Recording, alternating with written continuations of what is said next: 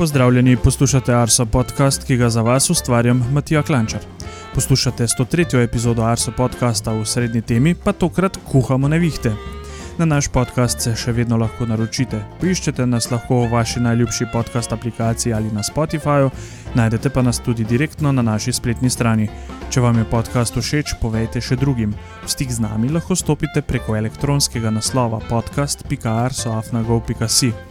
Seveda smo prisotni tudi na družbenih omrežjih, kjer z veseljem delimo vaše slike, storije ali se z vami pogovarjamo o vremenu. Na Twitterju smo Meteosi, na Facebooku in Instagramu pa nas najdete pod imenom Arso Vreme. Osrednja tema. Prišli smo v toplo polovico leta in čeprav se je v zadnjih 14 dneh praktično govorilo samo o dežju, pa ne o ta pravih nevihtnih oblakih, ampak o ciklonskih padavinah ali pa frontalnih padavinah, pa verjamem, da bomo prej ko slej v teh dneh ali pa v prihodnjih tednih se večkrat ozrli nebo, pogledali, odkot bo padalo, kako bo padalo, ali bodo plohe in nevihte. In ravno nevihte. So razlog, da sem v svojo družbo danes povabil Blaža Štera, prognostika, ki bo z vami delil nekaj zelo zanimivih in pomembnih informacij iz področja neviht. Pozdravljen, Blaž. Ja, živijo. Blaž, to vprašanje je tisto tipično prvo, uh, ki ga zelo radi uh, odgovarjamo tudi na jutranji vremenski fronti, ki oddaji, ki jo ustvarjamo skupaj z prvim, s prvim programom Radia Slovenije. In sicer prvo tipično šolsko vprašanje, kaj sploh nevihta je. Ja, um, res je to vprašanje, ki si nam ga pogosto sestavljajo novinari. Ja, nevihta je pojav uh, strele oziroma groma, uh, gre za pojav, um, ki je značilen v nevihtnih oblakih. To so oblaki vertikalnega razvoja, se pravi, da segajo visoko v ozračje, čisto do vrhu, vrhu tro, troposfere, uh, se pravi, um, predela ozračja, kjer se odvija vreme. Uh, glavna stvar pa je, uh, da imamo elektritev ozračja um, in to elektritev ozračja povzročajo predvsem različni padavinski delci, Uh, čeprav je poleti, recimo, govorimo, kot se je rekel, topli polovici leta pred leh, um, re, relativno toplo, oziroma lahko tudi vroče, pa je v zgornjih plesteh ozračja temperatura globoko pod lediščem in imamo ledene kristale. Uh, če imamo izrazita vertikalna dviganja, potem nekako imamo te mešane faze, se pravi, se v določenem delu oblaka pojavljajo tako um, kapljice, um, sneg, uh, toča in to uh, je zelo uspešno na elektriki oblaki, in zaradi tega se pojavljajo potem nevihte. In če se sedaj predstaviva v Masterchef vremensko kuhinjo, kakšne so tiste osnovne sestavine, da potem lahko opazujemo in, in spremljamo nevihte? Ja, ta koncept uh, sestavin, ki jih potrebujemo za nevihto, je prišel v zadnje, zadnjih desetletjih, Uh, prej se je napovedovalo z drugimi, um, nekako, recimo, kakšnimi indeksi, pa vremenskimi tipičnimi situacijami. Uh, drugače pa, uh, ja, glavne so tri. Imeti moramo um, najprej dvig, se pravi, dvig pomeni uh, splošno neko dviganje, ali je to recimo ob kakšni fronti, ali je ob hribu, recimo, če imamo prisilni dvig zaradi um, nekih splošnih vetrov konvergence, se pravi stekanja vetrov, ali pa recimo ostale dvige, recimo, če imamo nad določenim predelom, recimo Zahodne Evrope, Evropo, kakšno izrazito vremensko motno, se pred to motno pojavljajo dvig, dvig ozračja in to pomeni, da se zrak navlaži, da se te sestavine nekako pripravijo za nevihto. Potem so pa še um, nestabilnost ozračja, um, se pravi, to je vertikalni temperaturni gradient. Čim večje je, bolje je ozračje labilno, pravimo, in pa seveda vlaga. Vlaga je poleti, uh, seveda, mišljena v absolutnem smislu, se pravi, koliko je dejansko vlage. Vemo, da več, uh, se pravi, više so temperature, več vlage lahko zrak sprejme, in to pomeni, da so poleti pri nas eh, te razmere najbolj idealne za nastanek neviht. In uh, morda postrežeš s podatkom, oziroma če ga poznaš, katere, kater tip neviht pa je pri nas najbolj pogost. Ja, pri nas uh, je najbolj pogost tip neviht, so večcelične nevihte oziroma multicelične nevihte. Gre za nevihte, ki recimo na začetku sestavljajo samo eno celico, potem pa se zaradi uh, dviganj, ki se pojavijo v okolici nevihte, kajti imamo, če imamo nevihto, je vedno pos, uh, pač, uh, so neke padavine, te padavine povzročijo, da zrak potem uh, začne, vemo, ta nevihtni, poznamo nevihtni piš.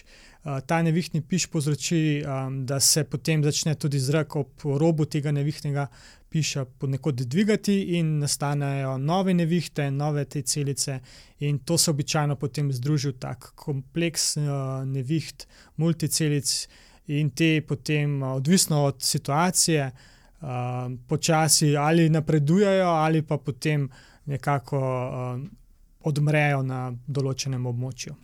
Morda zdaj naslednje vprašanje, malce bolj strokovno. Ne spomnim se, da bi v javnosti govorili prav z besedico Cape. Da bi že kdaj meteorolog, prognostik ali pa mi, ko se kažemo kdaj na vremenskih napovedih zvečer, uh, uporabljali to besedo, pa me zdaj zanima, glede na to, da je zelo razširjena, oziroma da mi, meteorologi, smo šli tudi čez študij meteorologije in smo ga zelo uporabljali, računali. Me zanima, če lahko uh, našim poslušalcem razložiš, kaj Cape je in kje se ga da opaziti.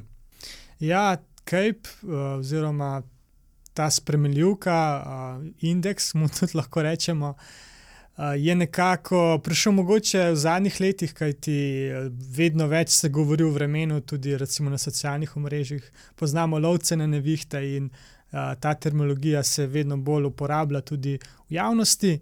Gre pa pač nekako mero za nestabilnost ozračja. A, dejansko je to, a, če bi pač določen cape dobimo, je to dejansko hitrost v znotraj, um, lahko dobimo hitrost, vertikalno hitrost znotraj nevihnega oblaka. Nekako pa nam pove, kako je ozračje labilno, oziroma potencijalno labilno. Večja, ko je ta nestabilnost, seveda, močnejše so lahko nevihte, ni pa nujno, da ne neviht uh, pride, čeprav imamo visok cape. Uh, nekako pa je ta cape odvisen, predvsem od, uh, pač, uh, kot je že uh, sem že prej omenil, od nestabilnosti in tudi uh, vlage in temperature zraka v spodnjih plasteh ozračja. Bolj ko je zrak spodaj segret, uh, oziroma se ta temperatura zraka z višino z, znižuje uh, in večje vlago, kot imamo, večji so ti kajpi.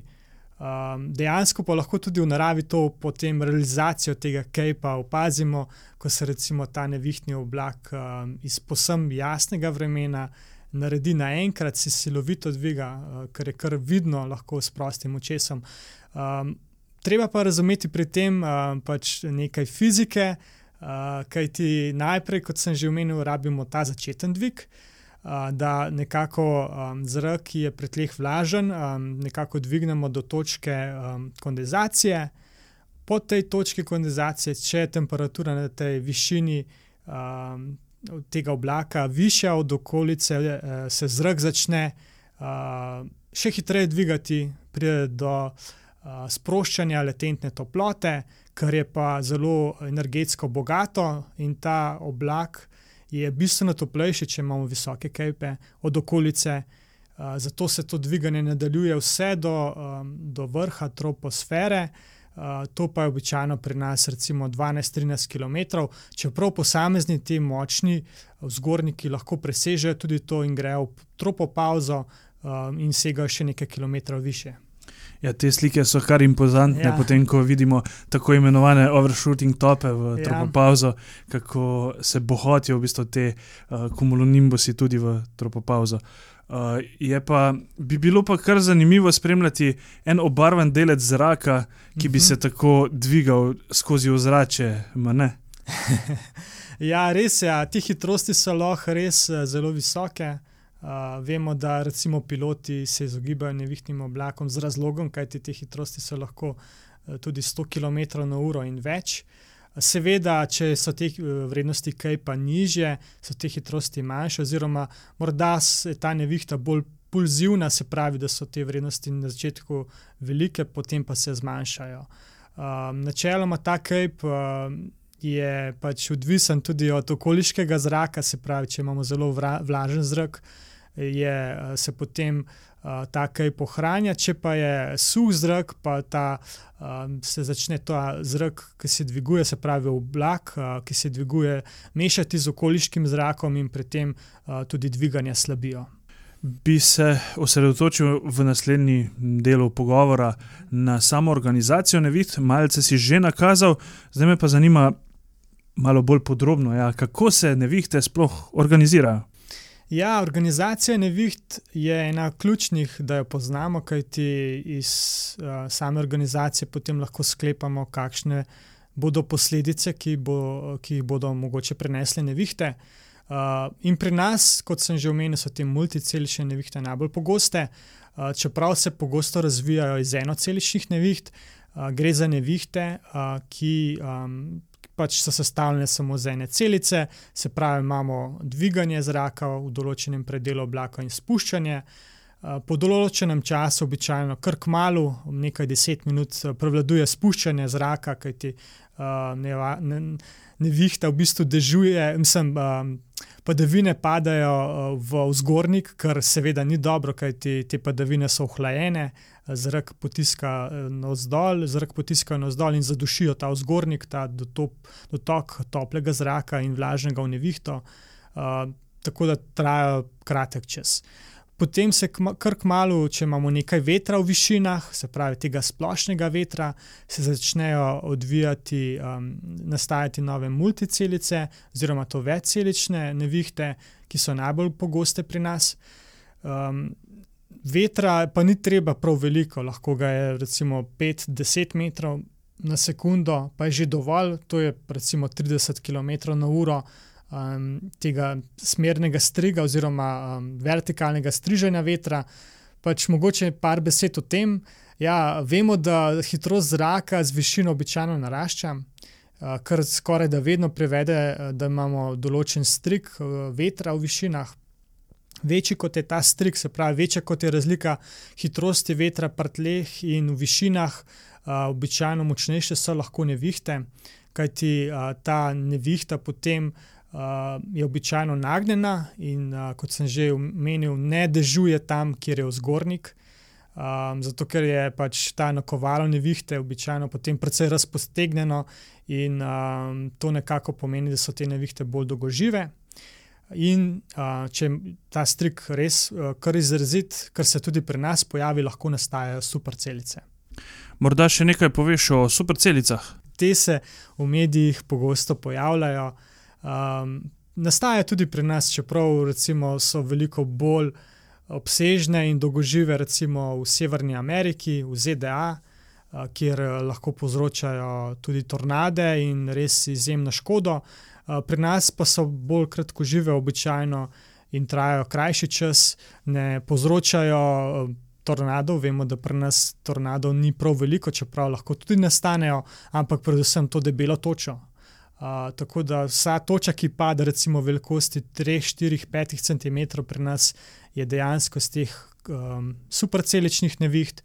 Gre za nevihto, uh, ki poleg tega vzgona, ki ga dobi zaradi kondenzacije oziroma sproščanja latentne topo, toplote, se vrti, povzroča, um, ob tem se povzro, uh, nastanejo dodatne, uh, dodatne, dodatni pritiski oziroma um, dodatni um, zračni tlak.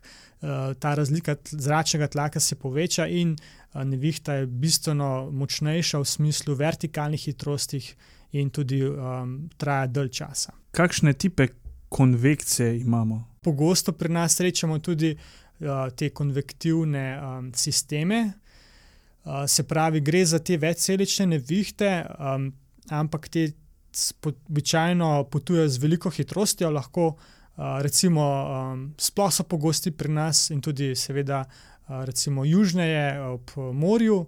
Uh, ko, ko se kar naenkrat, recimo, stemni, uh, prej je bilo še sonce, potem se stemni, pride ta um, uh, poličast oblak, shelf cloud, mu rečemo, pač v angleščini se bolj uporablja uh, te izraze. In uh, ta nevihta potem povzroči res moč, močen veter, uh, neredko tudi hitrosti, recimo 100 km/h, predvsem pride nenadno in uh, lahko povzroči potem kar veliko škode, oziroma uh, sploh na morju je zelo nevarno, če te taka nevihta ujame. In po vseh pogojih, ki si jih opisal sedaj, se mi zdi, da morajo biti kar uh, skupek vseh pogojev, mora biti ravno ta prav, da nastane tako zelo močna nevihta. Ja, res je. Um, nekako je tako. No. Boljši kot so recimo dviganja, večja kot imamo dviganja, strik vetra, pa potem imamo lahko. Um, Ta dvig, uh, predviguje malce bolj zakomplicirano. Kot sem že omenil, če imamo preveč dviga, to pomeni, da nastane veliko neviht, in se uh, ti tekmujejo za to energijo, ki jo imajo na voljo. Seveda, energija je končna, ni neskončna, in potem nastane več neviht, uh, in te niso tako mogoče močne. Če pa je prisotna zaporna plast, um, te tudi niso se pogovarjali, ampak večino teh primerov z močnimi nevihtami vsebuje um, tudi to zaporno plast. Gre za plaz zraka, kjer temperatura zraka stagnira, oziroma um, celo uh, z višino narašča.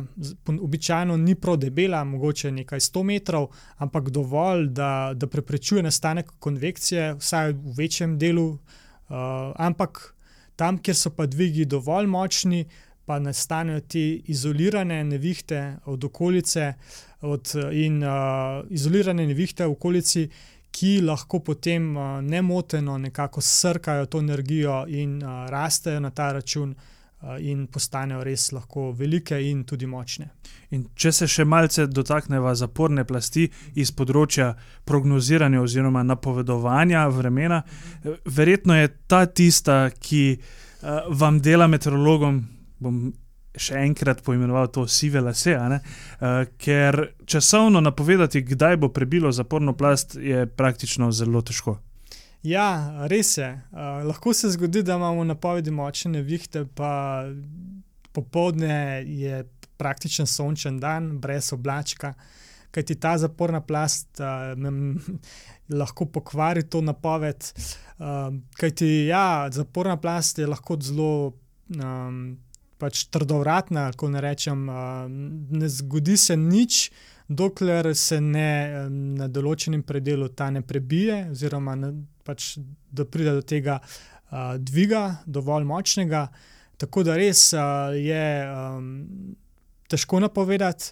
Um, pa tudi modeli so zelo, um, nekako te modelske napovedi, negotove, kar se tiče te zaporne plasti. Uh, Uh, lahko še omenim nekaj. No, ta zaporna plast je običajno potem, uh, pod to zaporno plastjo je zrak zelo vlažen, nad to zaporno plastjo pa imamo to, ta um, padec temperature z višino. In običajno se zgodi to, da imamo ta um, dotok, recimo z juga, uh, jugozahoda, in ta padec temperature z višino se advektira, se pravi, prepotuje, recimo um, zelo se pregreje gorovje Atlas ali pa severna.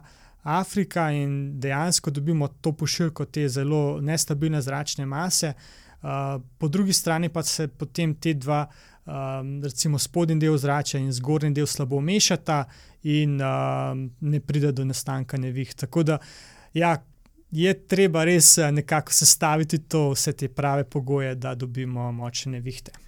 In omenil si že same modele, se bova dotaknila pa tistih modelskih indeksov, ki jih modeli tudi naračunajo uh mhm. -huh. in so vezani na napovedi neviht. Pa me zanima, kakšne te indekse pa uporabljate vi pri prognozi.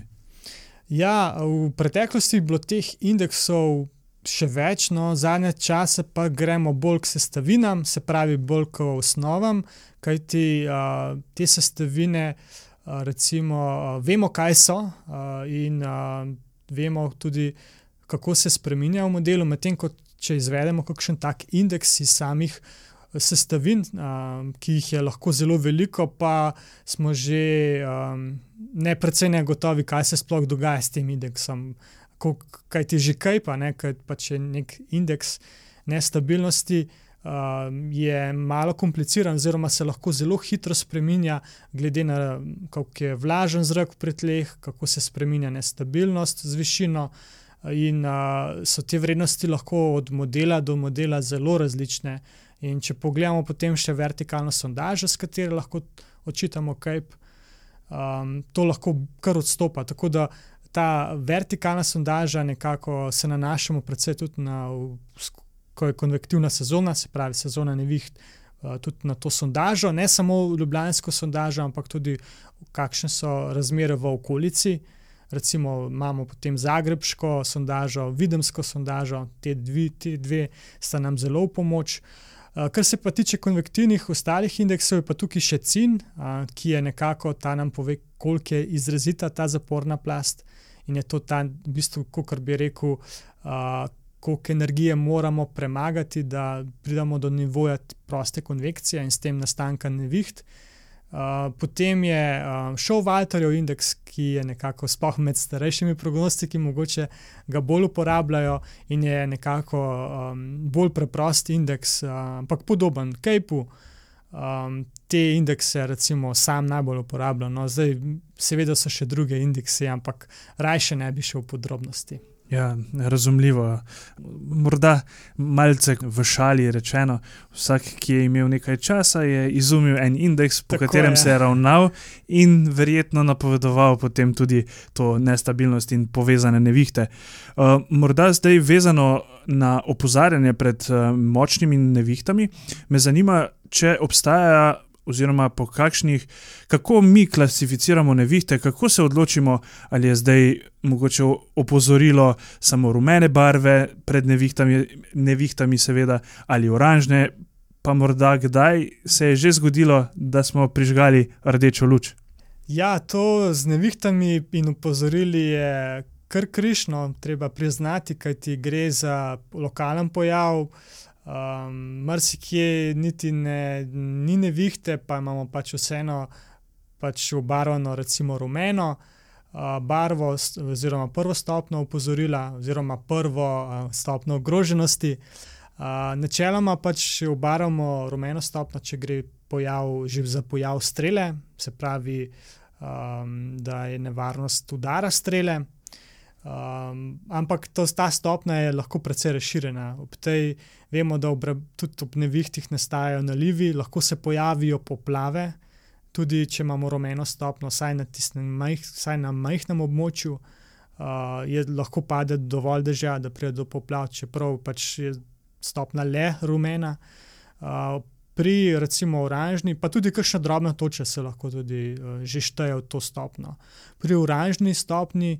Um, pričakujemo, da bodo te nevihte, poleg tega, da bodo malo močnejše, tudi bolj razširjene, da se bodo pojavljale mogoče na večjem območju, uh, pa da bodo posledice, recimo, da bo toča uh, malo večjih dimenzij, da bodo sunki vetra močnejši, ki recimo lahko povzročajo že večjo škodo, uh, in tudi um, nalivi, mogoče um, tudi dolgotrajnejši.